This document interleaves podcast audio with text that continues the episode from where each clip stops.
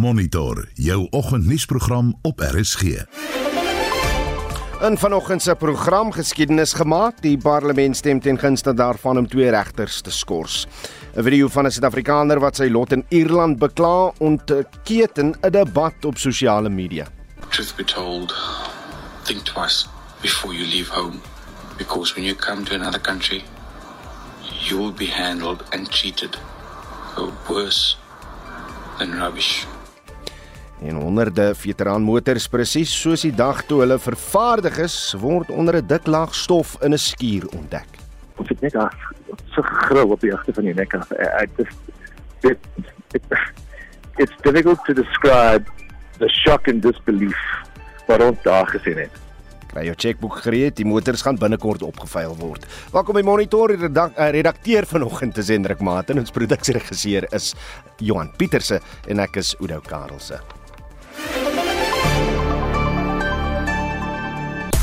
In jou sportnuus, die datum van die Springbokke se eerste wedstryd van die jaar laat die wenkbrau in plaaslike rugbykringe lig. In Formule 1 kyk ons na wie moontlik vir Sergio Perez volgende jaar by Red Bull kan vervang en al die uitslae van gisteraand se sokkerwedstryde.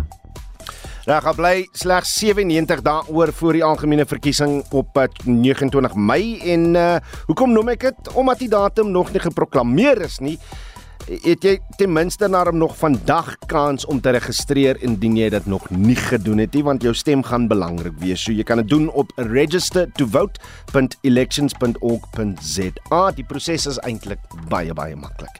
Nou waar in die wêreld is wat ons vanoggend vra? Is jy of iemand wat jy ken gelukkig oor see of verlang hulle terug?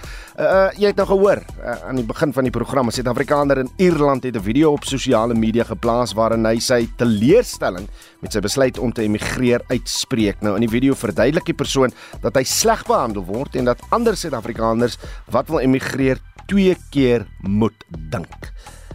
Hoe voel jy daaroor? En vertel bietjie van die ervaring van wel, jouself of jou familielid of vriend. Jy kan vir ons 'n WhatsApp stemnota stuur na 0765366961 of stuur vir ons 'n SMS na die nommer 45889 en dit kos jou R1.50 per SMS.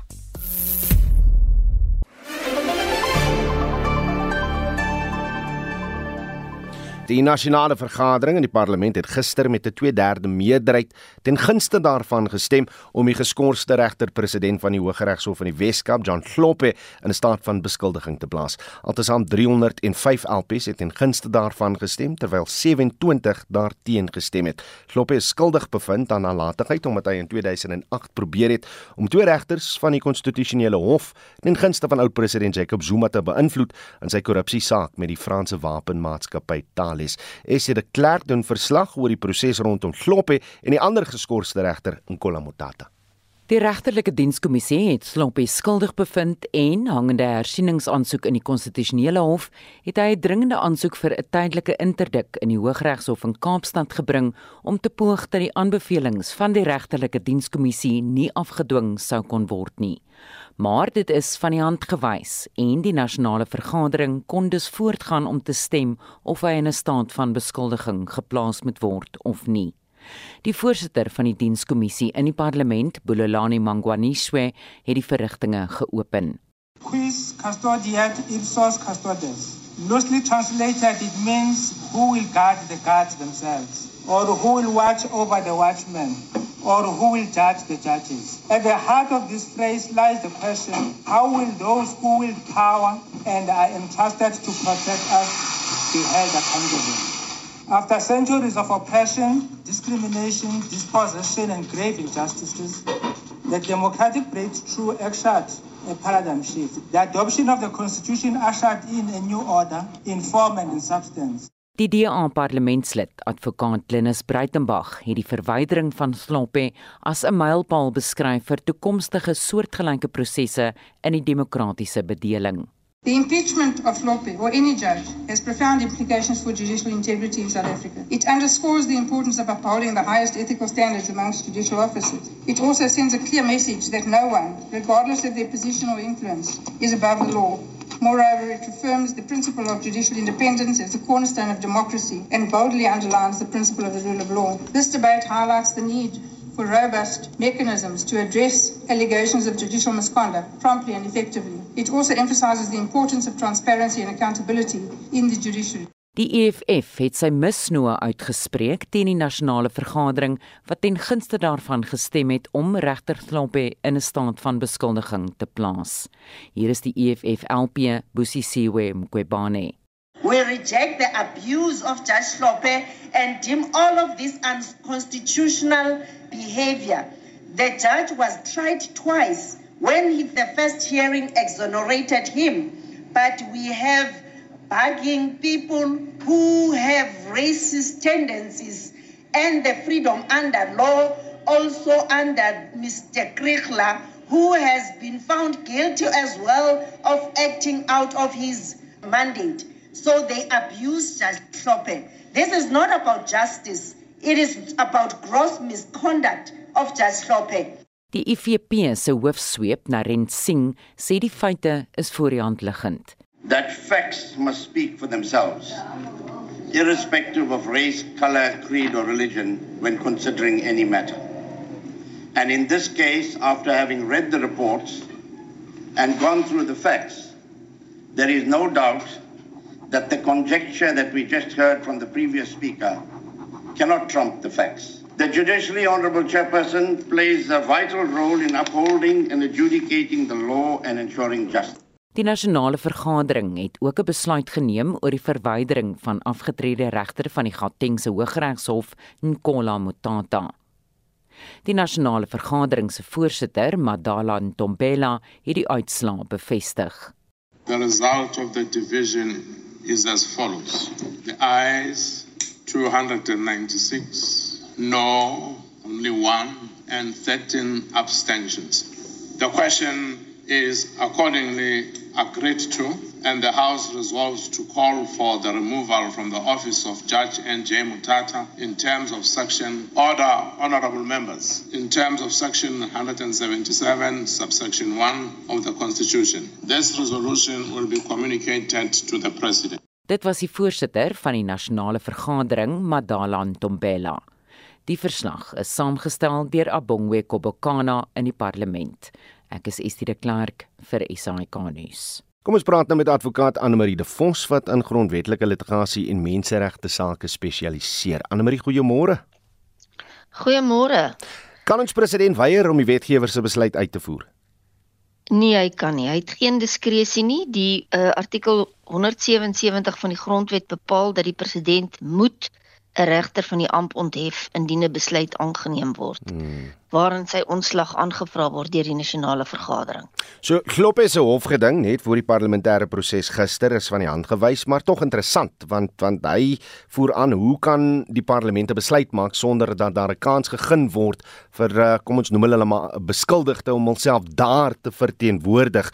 Maar maar die parlementêre proses is die eindpunt van 'n 'n ander uiters lang proses is ja, dit nie.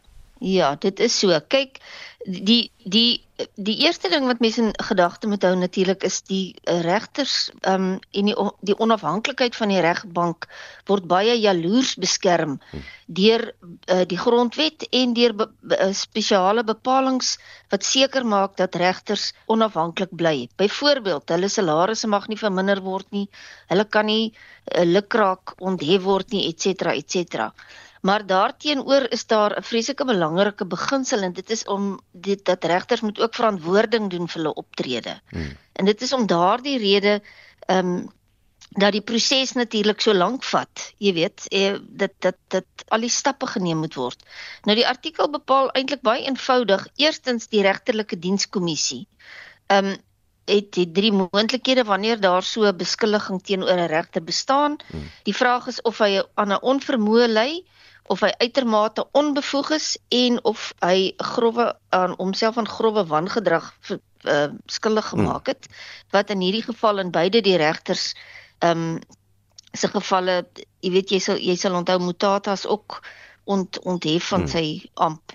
Ehm um, hy is hulle is skuldig bevind aan aan aan grove wangedrag. Nou jy weet daai proses het deur baie paadjies geloop. Hulle het ehm um, verhore gehad, hy is gekruis ondervra, hy het getuie getuies, hy het regters laat kruis ondervra, dit het gedraai in die grondwetlike hof. Ek dink hy kan tevrede wees dat sy weergawe is wel en deeglik getoets en te lig bevind. So ek dink nie hy het 'n klagte daar nie. Is alle regsopsies nou uitgeput? Alle regsopsies is uitgeput. Al wat nou gaan gebeur is die president gaan vir hom in kennis stel jy is nie meer 'n regter nie. Nou ek is seker baie mense sou nie geweet het nie dat regters behou hulle salarispakket en voordele vir die res van hulle lewens. Wat gaan in die opsig dan gebeur met Motata en Kloppie? Nee, dit gaan wegval. Ehm um, want die salaris is gekoppel aan die feit dat jy steeds in diens is van die staat. Hmm. Ag, hmm. wel in diens is van die van die nie staat nie, in diens is van Suid-Afrika ja. natuurlik. Baie dankie vir jou tyd. Dit was advokaat Anne Marie De Vos. Nou, meeste ekonome beskryf gister se begroting soos deur die minister van Finansies Enoch Godongwana uh, as 'n fyn balanseer toertjie tussen besteding en besnoeiing. Ons praat nou daaroor met 'n belastingvernoot by ENS Afrika Charles de Wet. Uh Charles, goeiemôre. Môre Udo. Kom ons werk net deur van die belastingvoorstel in die toespraak. Ons weet die staat se grootste bron van inkomste is waarskynlik persoonlike in, inkomste belasting. Wat dit betref, uh het Godongwana ons nou nie in 'n in 'n verder penarie gesit nie. Is dit 'n goeie ding vir die staat?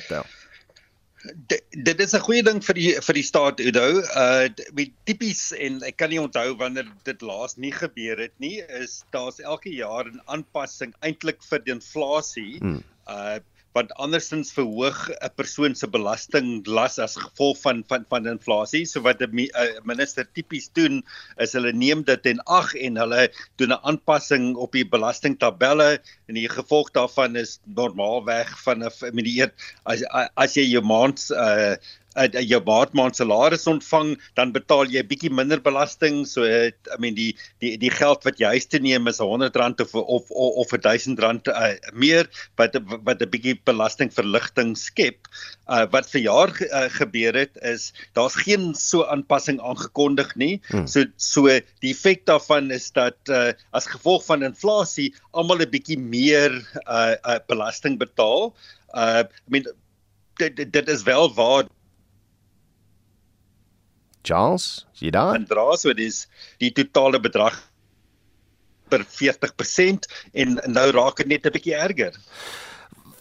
Was daar 'n moontlikheid, 'n uh, waarskynlikheid dat as ons na sondebelasting kyk dat die minister miskien vir ons die wat wat bietjie drink of rokers uh, uh, selfs erger kon belas? Daar was mean die die, die aanpassings I mean vir vir uh, drank was hier met bietjie hoër as inflasie so tussen 6 en 7% vir tabak was dit 'n bietjie laer as dit so bietjie onder uh, 5 uh, uh, persent I mean ek, die minister was I mean in 'n moeilike posisie want hy hy moes I mean die die belasting I mean hy, hy het nie meer belasting nodig om om om om dit te te, te laat klop. Ek dink I mean die die probleem met met met aksies dit word gereeld gebruik om eintlik die belasting te te te, te laat klop en oor die laaste tyd was die uh, van 2020 was die verhogings nogal nogal hoog. Uh so dit gaan 'n groot impak hê. I mean die die effek daarvan is dit alles net 'n bietjie duurder gaan gaan raak. So die kombinasie van geen uh, persoonlike belasting uh verligting en 'n verhoging in in aksies beteken die man op straat is 'n bietjie slegter af. Ek het in die uh, begin van ons gesprek gesê dit uh, was bestempel as 'n fyn balanseer toertjie. Uh, hoe sou jy sê het hy gevaar as dit kom uh, by die uh, vergroting van ons belastingbasis? Die, die daar was nie verskriklike groot aankondigings rondom dit. Meen daar daar was 'n aankondiging oor 'n bietjie meer belasting vir vir, uh, vir maatskappye.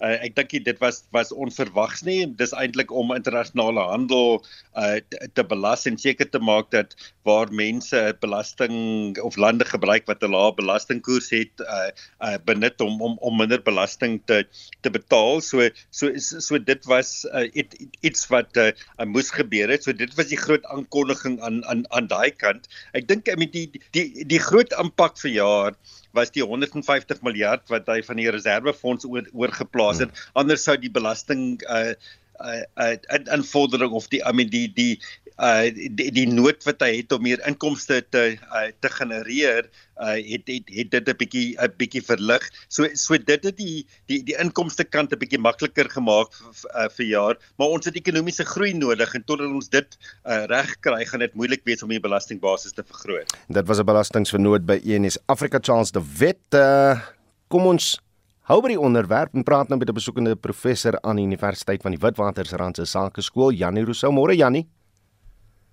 Goeiemôre Oudo en goeiemôre aan die luisteraars. Ek wil met jou begin daar waar ek afgeëindig het uh, met Charles. Die die die plan om 150 miljard rand oor 'n 3 jaar periode uit die goud en valuta noodfonds van die tesourier te trek. Die ooreenkoms daarvoor moet nog nou ge, geonderteken word, maar kom, kom ons stop gou net daar. Hierdie reserves Jannie in die tesourier van oor die 500 miljard rand en watter vorm bestaan die reserves en en aan wie behoort dit? Kaudo, uh eerstens die reserves bestaan eintlik uit kapitaalwins en verlies op die goud en buitelandse valuta rekening. So as die rand daal, is daar kapitaalwins, as die rand styg, is daar kapitaalverlies. Dit dit is hoe daardie rekening ontstaan.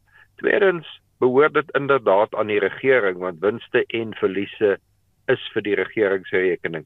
O ja, terloops, dan moet ek net sê ek het daardie rekening se amptelike Afrikaanse naam gaan opsoek, ja. want ek dink dit gaan die volgende paar dae baie bespreek word. Dit is die goud en buitelandse valuta gebeurlikheidsreserve rekening. En volgens die taalkundiges is dit alles een woord, maar met koppelteken tussen goud en en dan weer 'n koppelteken voor valuta. Maar vir die res goud en buitelandse valuta gebeurlikheidsreserve rekening alles een woord. Ons sal daardie woord moet oefen oede. Wat ek gaan jou die verantwoordelikheid gee om vir ons met 'n verkorte vorm daarvan de, eh, te kom van om elke keer daarna te verwys soos jy nou gedoen het gaan gaan bitter moeilik wees vir al op radio. Maar maar maar kan jy onthou wanneer laas dit gedoen is? Is is dit in die afgelope 30 jaar gedoen deur ons regering? Uh, nou, uh, in 2003 was daar baie groot tekort op daardie rekening, so wat 28 miljard rand. En toe is daardie tekort deur die regering aan die Reserwebank betaal. Hmm. So toe daar tekort was, het die regering dit goed gemaak en daarop baseer ek my standpunt dat daardie wins hmm. inderdaad aan die regering behoort, want die verlies was die regering se verantwoordelikheid.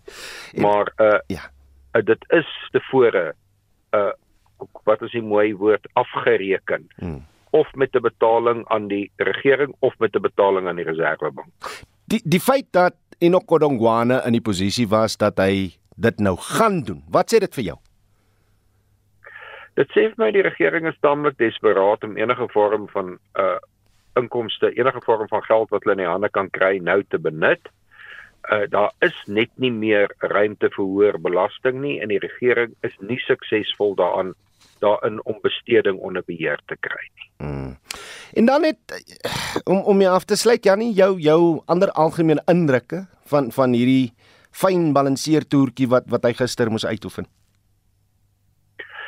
Ja, ons moet natuurlik hierdie uh, begroting beoordeel teen die agtergrond van 'n verkiesing op die 29ste Mei en die minister het hier probeer wys dat die regering vir arme mense omgee in die hoop dat arme mense vir die ANC gaan stem. Dis natuurlik 'n jammer uitkoms want dit sou meer duidelik gewees het dat die regering vir arme mense omgee as die regering bygedra het tot werkskepping in Suid-Afrika eerder as om toelaas uit te betaal. As hy laat weet maar as jy uh, met 'n mooi verkorte vorm van hy uh, van hy fondse uh, voor in dag kom, maar baie dankie vir jou tyd vanoggend hier op Monitor. Dis natuurlik uh, die uh, ek waar hy nou? Janie Rousseau, baie dankie.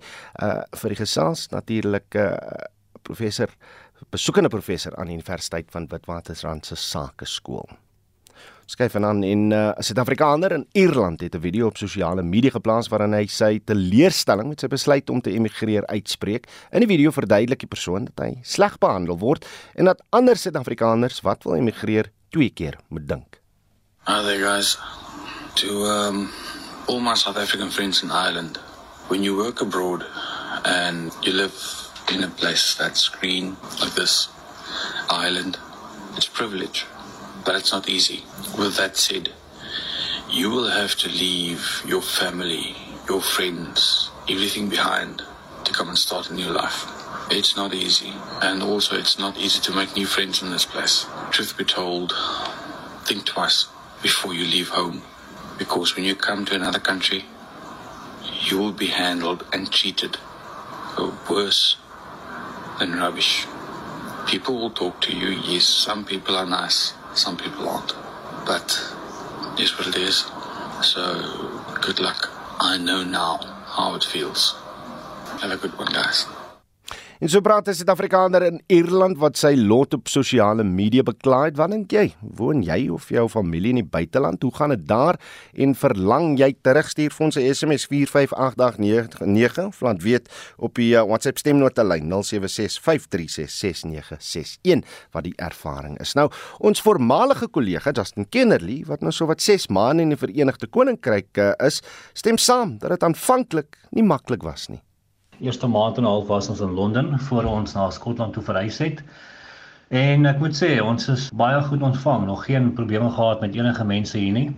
Nog niemand het ons sleg of swak behandel nie of blaatant teen ons gediskrimineer nie. So uh, op daai front is alles nog goed. Ek dink as jy vriendelik is met die mense, is hulle vriendelik terug met jou. Jy moet ook besef dat die Britte vir die algemeen nors is. Hulle is nie so warm soos Suid-Afrikaners nie. Ja, as jy my 'n maand terug gevra het hoe gelukkig is ek, sou ek 'n baie anderste antwoord gehad het as nou. Veral my vrou Risha het gesukkel om aan te pas in die begin. Sy het haar gesin gemis, sy het alles wat ons in Suid-Afrika gehad het gemis, net die huis, die kar, selfs die werk. Maar oor die afgelope paar weke het sy tot die besef gekom dat in haar eie woorde sy net die goeie goed onthou terwyl sy die slegte goed doelbewus ignoreer. En as sy kyk na wat ons hier het en hoe die land werk, besef sy dat in baie opsigte dinge baie beter is as in Suid-Afrika. Sy raad aan mense wat emigrasie oorweeg is om deeglik voor te berei. Jy moet eerstens weet hoekom jy hiernatoe kom en jy moet besef dat hierdie land heeltemal anders as Suid-Afrika is. Jy moet weet dat die mense heeltemal anders as in Suid-Afrika is. Klein voorbeeld, altyd met my broer se eggenote is Brits. En ons het gewoon daaraan om in Suid-Afrika weet net by mense se huis om te gaan en te gaan kuier. Hulle verstaan nie daai daai konsep hier nie. Hier kuier jy nie by iemand anders huis nie. Jy gaan na die pub toe en jy gaan kuier daar. En jy kan nie jou Suid-Afrikaanse manier van dinge doen en jou Suid-Afrikaanse houding hiernatoe bring en dink jy gaan jou septer swaai hier nie. Jy moet alles by die huis los en van voor af begin en by hierdie mense en hierdie land se manier van dinge aanpas. As jy dit besef, dan gaan dinge baie makliker wees. Want ek sien so baie video's en stories van mense wat sê, "Ag, ek hou nie van hierdie land nie. Weet ek word swak behandel." Maar dan moet jy gaan kyk hoe jy die mense behandel want ek kan jou waarborg dis omdat jy nie hulle manier van dinge doen wil aanvaar nie. Verlang jy terug? Dit is 'n moeilike vraag. Ek verlang na my mense, die kinders, ehm um, Risha se gesin, vriende, verlang baie na hulle, maar na die land self? Nee. En dit kom dalk as 'n skok, maar buite die mense verlang ek glad nie. Ek verlang nie na die mense wat nie kan bestuur nie. Ek verlang nie na die infrastruktuur wat vernietig is nie en die land wat vuil is nie vir my persoonlik voel dit net asof dinge beter bestuur word in Skotland as in Suid-Afrika. Ek het geen rede om terug te gaan Suid-Afrika toe nie, behalwe as my vrou wil teruggaan en natuurlik om my familie te gaan sien. Dis dit. En dit was 'n voormalige kollega wat nou in Skotland is, Justin Kennerly. Ek is Hendrik Martin vir SAK nuus. Jy luister na Monitor elke weekoggend tussen 6 en 7. Byna 6:33 en hierdie is wat voor lê in die res van die program. Beerkrag word na fase 4 opgestoot en die minister van Finansies sê Eskom kom uh, hulpvoorwaardes na en twee regters word uit die amp onthef. Bly ingeskakel.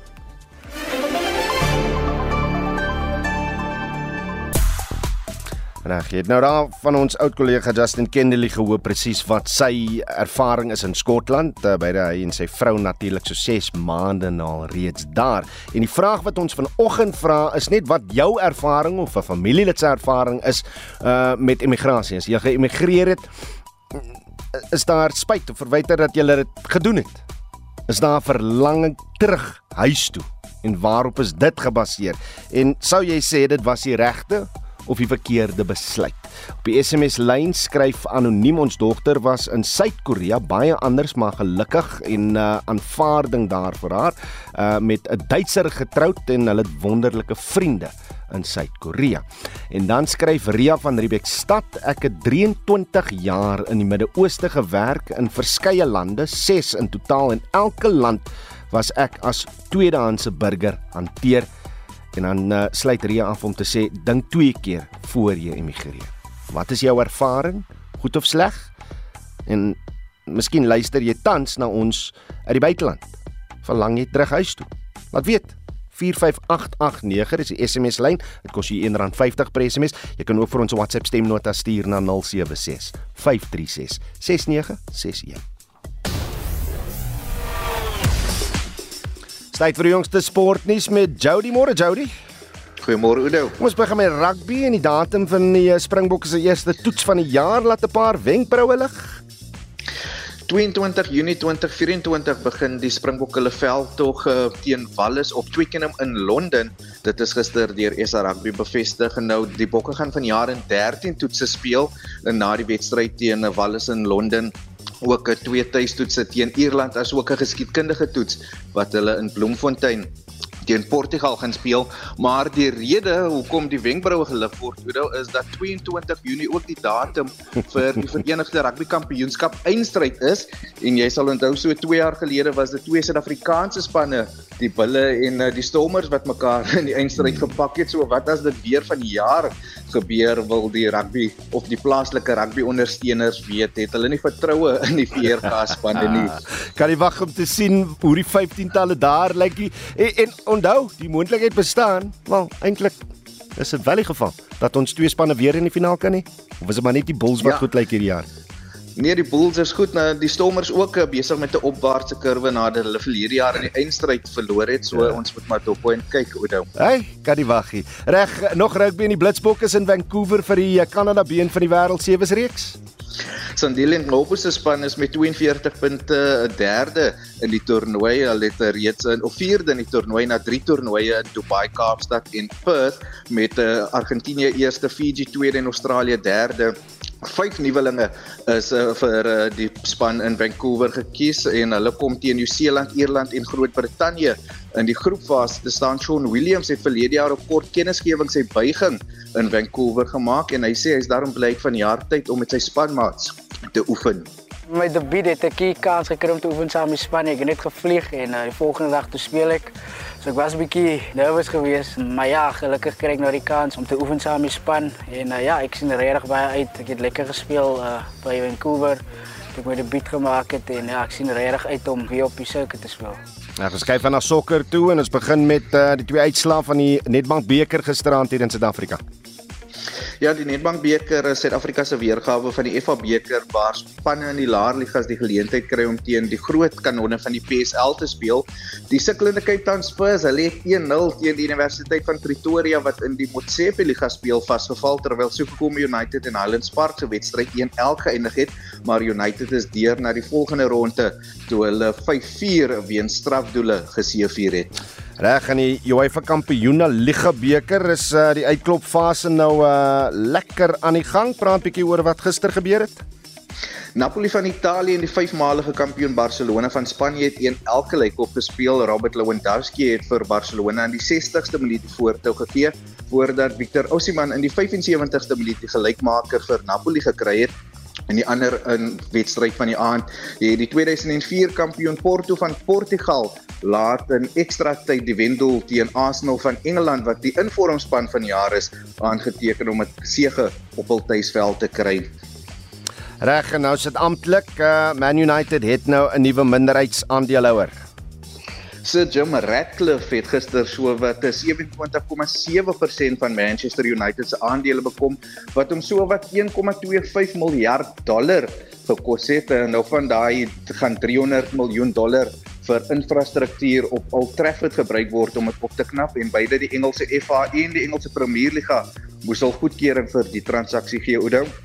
Nou sê Ratcliffe wat ook beoog om meer aandele later te bekom om uiteindelik die span se hoof-eienaar te word en hy sê sy grootste doelwit is om vir Liverpool en Manchester City te laat les op sê. Dis interessant, ek sien nou dit kos jou 'n tiende van hy geld, 1,25 miljard dollar om 'n uh, 20% aandeel in SA Rugby te koop. Maar kom ons los dit vir nou eers. Motorsport en uh ja, is dit nie Lewis Hamilton se laaste seisoen vir sy huidige span nie? Nee, eh, natuurlik um, Sergio Perez van Mexico wat tans vir Red Bull jaag. Hy gaan ook aan die einde van die jaar klaarmaak. So dis nie net Hamilton wat sy huidige span gaan verlaat nie. En Perez wat verlede jaar met sy spanmaat Max Verstappen gedomeineer het. Hulle het 21 van die 22 wedrenne gewen. Perez net 2 terwyl Verstappen in 19 geseëvier het en dis nog nie duidelik waar Perez volgende jaar sy seisoen of sy loopbaan gaan voortsit nie en ook nie wie hom gaan vervang by Red Bull uh, volgende jaar nie Oudo. Jody Hendriks daar van RSG Sport. Dis Pickens. Uh, kom ons keer terug na van ons hoofstories. Dit is gistermiddag se begroting natuurlik en ons praat nou met professor Erwin Swelle van die Huguenot College School vir Sosiale Innovasie. Erwin, goeiemôre. Môre Oudo en dankie. Die die groot uh aankondiging gister. Seker dat die regering nou 150 miljard rand uit die goud en valuta reserves wil neem om skuld te delg. Jou reaksie? Ja, ek dink uh, dit is 'n bietjie van 'n kunsgreep. Uh en dit is natuurlik verkiesingsjaar. Hmm. Die minister wil graag uh direk um aan die moontlike kiesers en die mense wat vir die ANC gaan stem uitdeel en hy wil nie op een of ander manier direk neem uh as 'n betaling van belastingbetalers nie so met daai kunsgreep was hierdie uh, potjie goud op een of ander manier nou beskikbaar en is dit 'n bruikbare geleentheid vir die minister om 'n bietjie in daai sparvarkie in te breek.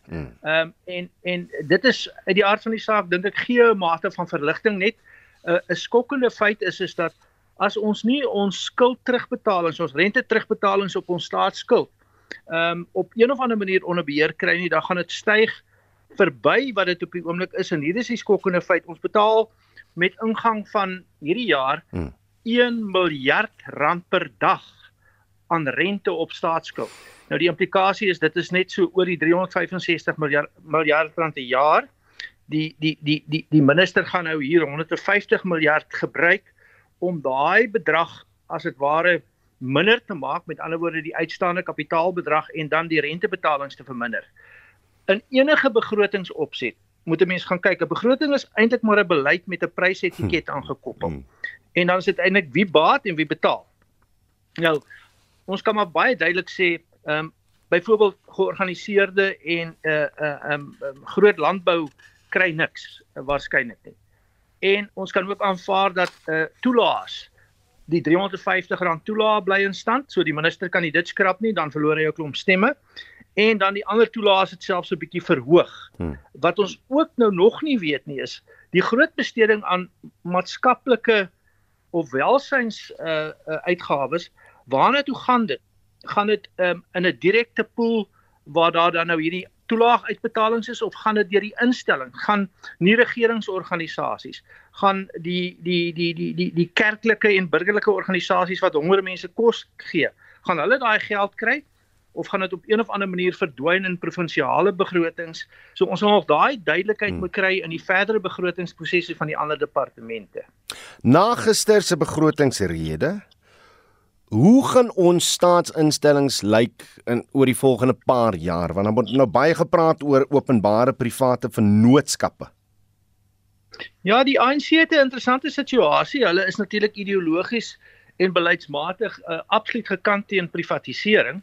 So dit is uh, ook as gevolg van die drie party alliansie met die SAKP en die en en en, en COSATU uh, waar privatisering 'n soort uh, vloekwoord is. Aan die ander kant is hulle gedwing om voortdurend te werk aan groter vennootskappe met die met met met die uh, privaat sektor. So in daai begroting is 'n hele aantal verwysings na samewerking wat elektrisiteitsvoorsiening betref met die privaat sektor. Samewerking met betrekking tot goed soos die groter ekologiese kwessies met byvoorbeeld ehm um, uh, elektriese motors met die privaat sektor. Uh en dus is hulle eintlik de facto besig met forme van privatisering, maar hulle kan dit nie vir hulle Hmm. kiesafdeling sê nie. En dan natuurlik is die hele raamwerk vir publiek-privaat uh samewerking, uh, sogenaamde public-private partnerships is nou ook verbeter want dit was 'n nagmerrie. Uh, daar is eintlik geleenthede daar, maar die regulatoriese raamwerk was onverklaarbaar, onverstaanbaar. En dit het dit eintlik onder druk geplaas. Daar's groot moontlikhede daar. Dit gaan waarskynlik versag word. So, die privaat sektor gaan verseker hierby baat mits die geld uiteindelik by hulle uitkom en dinge soos die konstruksie en die vervoer mafia hulle nie aan bande lê nie. Ehm um, so uiteindelik is dit 'n dit dit is op 'n manier 'n begroting wat wat dink ek kreatief is, maar of dit werklik 'n uh, uiteindelike bydrae gaan maak tot verbeterde dienslewering en dan miskien 'n punt in die verband wie baat ook is die minister sal sê hy gaan nou polisie mense, verpleegsters, dokters en en ander kom ons sê dan nou maar werkers wat direkte dienslewering uh, lewer, gaan hy nou verbeterde vergoeding gee en daarvoor begroot hy 'n groot bedrag. Maar dan sê hy as 'n soort agtervoegsel en die staatsamptenare ook.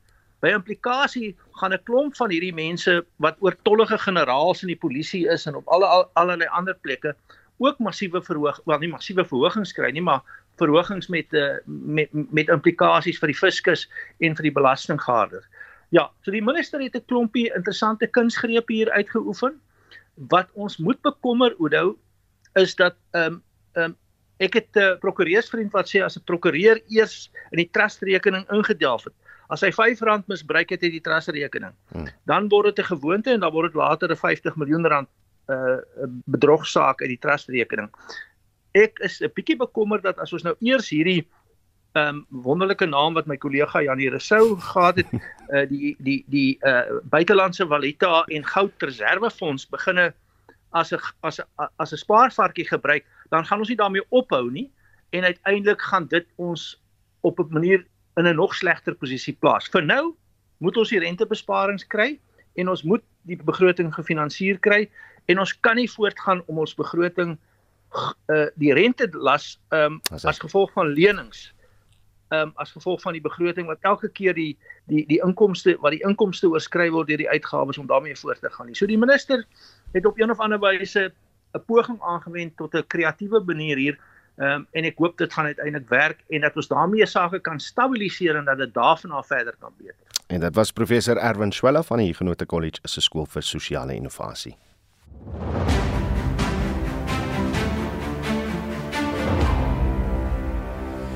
Reg die Oos-Kaapse regering het 1,5 miljoen rand op sy gesit vir vanjaar se provinsiale staatsrede deur eh, premier Oscar Mabuyane. Die amptelike opening van die wetgewer vind vandag plaas en die aantal gaste het ook vanjaar van so 470 tot meer as 1700 gestyg. Die uitgebreide gastelys sluit konings en koninginne, tradisionele leiers, burgemeesters en verteenwoordigers van politieke partye in. En ons praat nou met Ethel Trollop, die voorsitter van Action SA in die Oos-Kaap. Ethel, goeiemôre. Goeiemôre Oudo, hoe gaan dit? Nee, dit gaan goed. Jou verwagting van vandag en wat sal die premier se prioriteite moet wees vir een van die armste provinsies in ons land? Oudo, in die eerste plek, ek verwag nie veel nie en jy sal verskoon as ek 'n bietjie skepties voorkom, maar daar's goeie redes daarvoor en uh, dis gebaseer op my jare se ervaring en ook gebaseer op die feit dat ek onlangs by die president se stand van die nasie was. Hmm. waar hy 'n 'n 'n denkbeeldige voorbeeld van 'n jong vrygebore meisie vertel het. Ek sê jou sonder twyfel dat daai meisie Tinswalo nie in die Ooskaap bly nie. uh en ek het uh onlangs die week geluister na ehm uh, premier Panyaza Lesufi wat nou sê dat hy sal al die probleme in Gauteng regmaak. Byvoorbeeld, hy gaan die binnestad se vergaan van Johannesburg aanspreek en regmaak. Nou as jy daai stories luister, dan weet jy dat dit net pie in die sky en uh, uh, uh, uh hulle kan nie hulle beloftes nakom nie. So ek kan vir jou aangaan en vir jou 'n paar voorbeelde gee van wat laas jaar gebeur het. Wat gee my twee voorbeelde van van okay. Waar beloftes gemaak is wat, wat nie gestand gedoen is nie.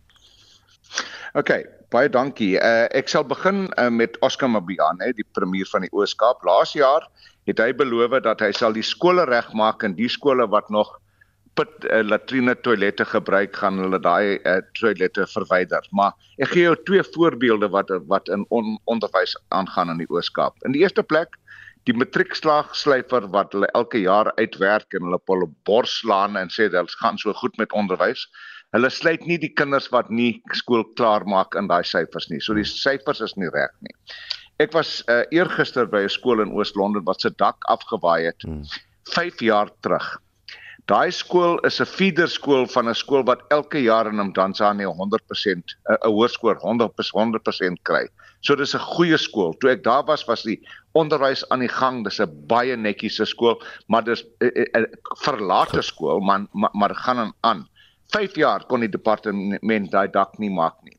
Laas jaar was ek by Nkwezana Hoërskool wat 800 leerders is. Daar die departement beloof dat in 19 eh, in 2017 gaan 'n nuwe skool klaar gebou wees.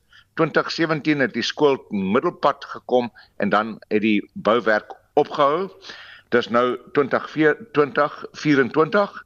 Die skool staan nou nog so, daar's 800 leerders daar met 8 temporary toilette wat hulle gebruik. Dit is haglike toestande. Ethel. Hy het hy het, hy het laas jaar beloof dat hy gaan die industriële parke van die voormalige tuislande heropen. Nie een is geheropen nie. Hy het gesê hulle gaan werk skep.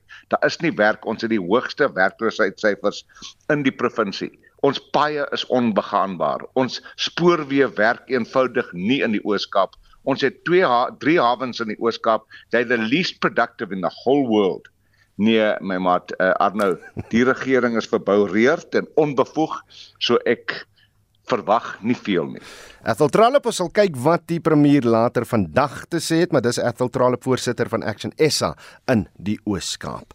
Nou meer as 200 versamelmotors is in 'n afgeleë Suid-Afrikaanse skuur ontdek na hulle dekades lank weggesteek is. Wyle Louis Koetser was uh, wat saam met sy vrou in 2020 in 'n motorongeluk dood is, het die afgelope 50 jaar altesaam meer as 600 gesogte motors versamel. Dit bevestig ook Wyle oom Louis Koetser se plek in die geskiedenis as die individu met die grootste motorversameling ooit hier in Suid-Afrika. Die hoofafslaer van Creative Rights Classic and Collectibles Auctions, Joff van Reenen, sê dit was 'n maandelange taak van verwondering en liefde om die enorme motorversameling wat dekades lank ongestoord gelê het te dokumenteer. Die fonds sal van Maandag 25 Maart opgeveil word. Dis oom Louis se uh, sy steeds, sy familie vir ons gebel het so jaar gelede en vir ons gesê, "Luister, ons het nog 'n baan gevind wat ons het nie geweet van nie." Ons het verlede jaar so April daar bestuur en ehm um, die res het ons net daar gestaan en gekyk en so wat nou? Dis 200 motors in die middel van die berg gesit. Ons dit was ongelooflik. Ons het net daar gestaan en en vir elkeen gekyk en sê, "Dis ons sien dit maar ons is seker ons sien dit nie." En ehm um, dit so vir ons die verlede 9 maande gevat om alles gecheck, catalog, 'n foto gemaak. En dis hoe lank ons gevat het. En nou verlede week het dit al city klaar gesien en gelons en die veiling is in 'n maand van nou af. Vertel ons, wat het julle gevind? Skets vir ons die prentjie laat ons luisteraars ja, net kan liefde, sien wat het jy gesien? Die liefde en die lewe se werk van een baie baie groot man, oom Louis Kutse. Hy was uh, amper groot as sy naam gewees, 'n boer van Bloemfontein, eerste van East gewees en 'n familieman, 'n goddelike man en hy het net gekoop, gekoop, gekoop vir die volgende 50 jaar en amper niks verkoop nie. En daar was motors in Bloemfontein, Barkley, Oos op twee ander plase, so 6000 voet in die berge af, op die suide kant van Lesotho af. Daar was nog motors in in ander baans in Bloemfontein op ander plase en nie een van die familielede wat hier so is nie, een van sy sy dogters en seuns het geweet van dit nie. Hulle het die een plaas verkoop en vir ons verlede april gebel en gesê luister, ehm um, ons het nog 'n baan gekry. Ons dink daar's motors daar binne, maar ons is seker nie. Kan julle vir ons as 'n bietjie kom kyk? Julle het die eerste veiling vir ons gedoen. Daar's groot trots met julle. Ons wil nie enige iemand aan te vat nie, net na julle. So ons het vir twee dae bestuur na Joburg vanaf Joburg toe na Botswana. En ons moet in die baan ingebreek. Die slotdaan was gerus en ehm um, die een werker van die plaas af wat vir die familie oor 50 jaar gewerk het. Ons ons gevra jy wanneer was jy laas in die baan en hy sê mm, so 30 jaar gelede en hy het alles daarin gesit. Sy sê wat sou hy sê net mos dis is hoeveel is en ek weet nie. Toe ons gebreek het, ons het net af so gegril op die agter van die nek af. I just it, it it's difficult to describe the shock and disbelief wat ons daar gesien het. En so vir verlede 9 maande ons het net geplan en gewerk en gekatalog en ons het amper so 5000 foto's gevat van al die karre, al die toerusting, al die spares, al die parts, al die villa, al die chrome bumpers en dan in die familie ons gebel en sê luister, daar's 'n paar nog gemoed, so nog 50. Um en oom Louis se privaat uh, baan in Bloemfontein. En ons het daar gery en terug na Joburg toe in Bloem gestap. En um daar het hulle gesit. Oom Louis se privaat baan is ja, so sê hy is so groot soos 'n 747 Boeing. Ek kan dit sommer insit en nog nog en nog. So die, die verlede 3 jaar vat ons verby so 600 motors van Oom Louis se collection. So Louis het oor die 600 voertuie versamel. Sê vir ons ja. watse tipe motors het julle daar gevind? Sy grootste was Mercedes-Benz, maar ons het gevind in Berkeley Mercedes, Holden, Chevys, Ford, Cadillac, Cadillac is in bloom, German, Daces, uh, Volksies, Camaros, Chevy Impalas, daar's 'n paar BMW's, daar's 'n Porsche, dit's in complete pieces, maar alles is daar, MG's, dit gaan dit aan en aan en aan. Ons skat, ons het gevind 15 tipe van motors af. Dis ongelooflik. En wanneer gaan hulle onder die hamer verduidelik vir ons die proses? Net aanlyn, die Barclay OS is daar geen resepsie nie, daar's niks nie. Dis daar is 'n voet in die berge af, daar's selfoons, niks werk nie. So uh, net aanlyn, ons begin 25ste Maart, die eerste dag van die week van uh Easter eerste naweek. En na die 25ste Maart, na die volgende 3 April, 8 in die oggend na 8 in die aand. So 10 dae ek weet jou loopbaan strek al amper 30 jaar. Is dit een van jou grootste ontdekkings? By a long shot. I've never seen anything like it and I don't think I ever will again. It's the most amazing story with the most amazing family with the legend of a man that was highly respected, highly loved. And the legend of the man it just carries on far beyond his passing. Uh, and his wife's passing, and it's just a lovely, lovely story. And the and the family is happy to pass on the stories and the love and the cause to the next generation. And En uh, dit wil ons sê ons mind pas so baie liefde van die karre gee en uh, hulle wil dit vir die volgende eienaars gee.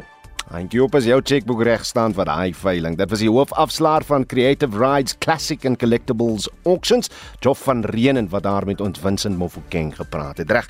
Vraag van vanoggend, as jy of 'n familielid geëmigreer het, geëmigreer het, wat was die ervaring geweest? Verlang enige van hulle terug huis toe? En indien dit die geval is, hoekom? Indien nie, vertel 'n bietjie wat die ervaring daar is. Uh Adam sê goeiemôre Oudo, dit's 'n aanpassing. Ek is nou al in Wallis 4 keer. Uh en dit is die beste plek om te wees. My dogter is al meer as 12 jaar daar en het nog nooit begeer om terug te kom huis toe nie. Dis nou van Adam. En dan skryf ek dink is anoniem. Albei my kinders is gebore in Abu Dhabi. My kinders bly daar en gee nou al uh, skool vir 7 jaar in die land. Hulle verlang huis toe, maar is veilig en gelukkig daar. En dan skryf Magda van Modimolle, ons dogter is in en haar gesin woon in Utrecht in die Nederland. Hulle is baie gelukkig, sukkel net met die winters in Europa en mis verskriklik braaivleis en die res van die familie. Jou storie laat weet, jou familielid se storie laat weet 45889 is die SMS lyn kos jy R1.50 per boodskap of jy kan vir ons 'n WhatsApp stemnota stuur na 0765366961. Ons groet dan namens ons uitvoerende regisseur Nicoline Lou, ons redakteur vanoggend is Hendrik Maat en ons produksieregisseur is Johan Pieterse en ek is Udo Karelse. Totsiens.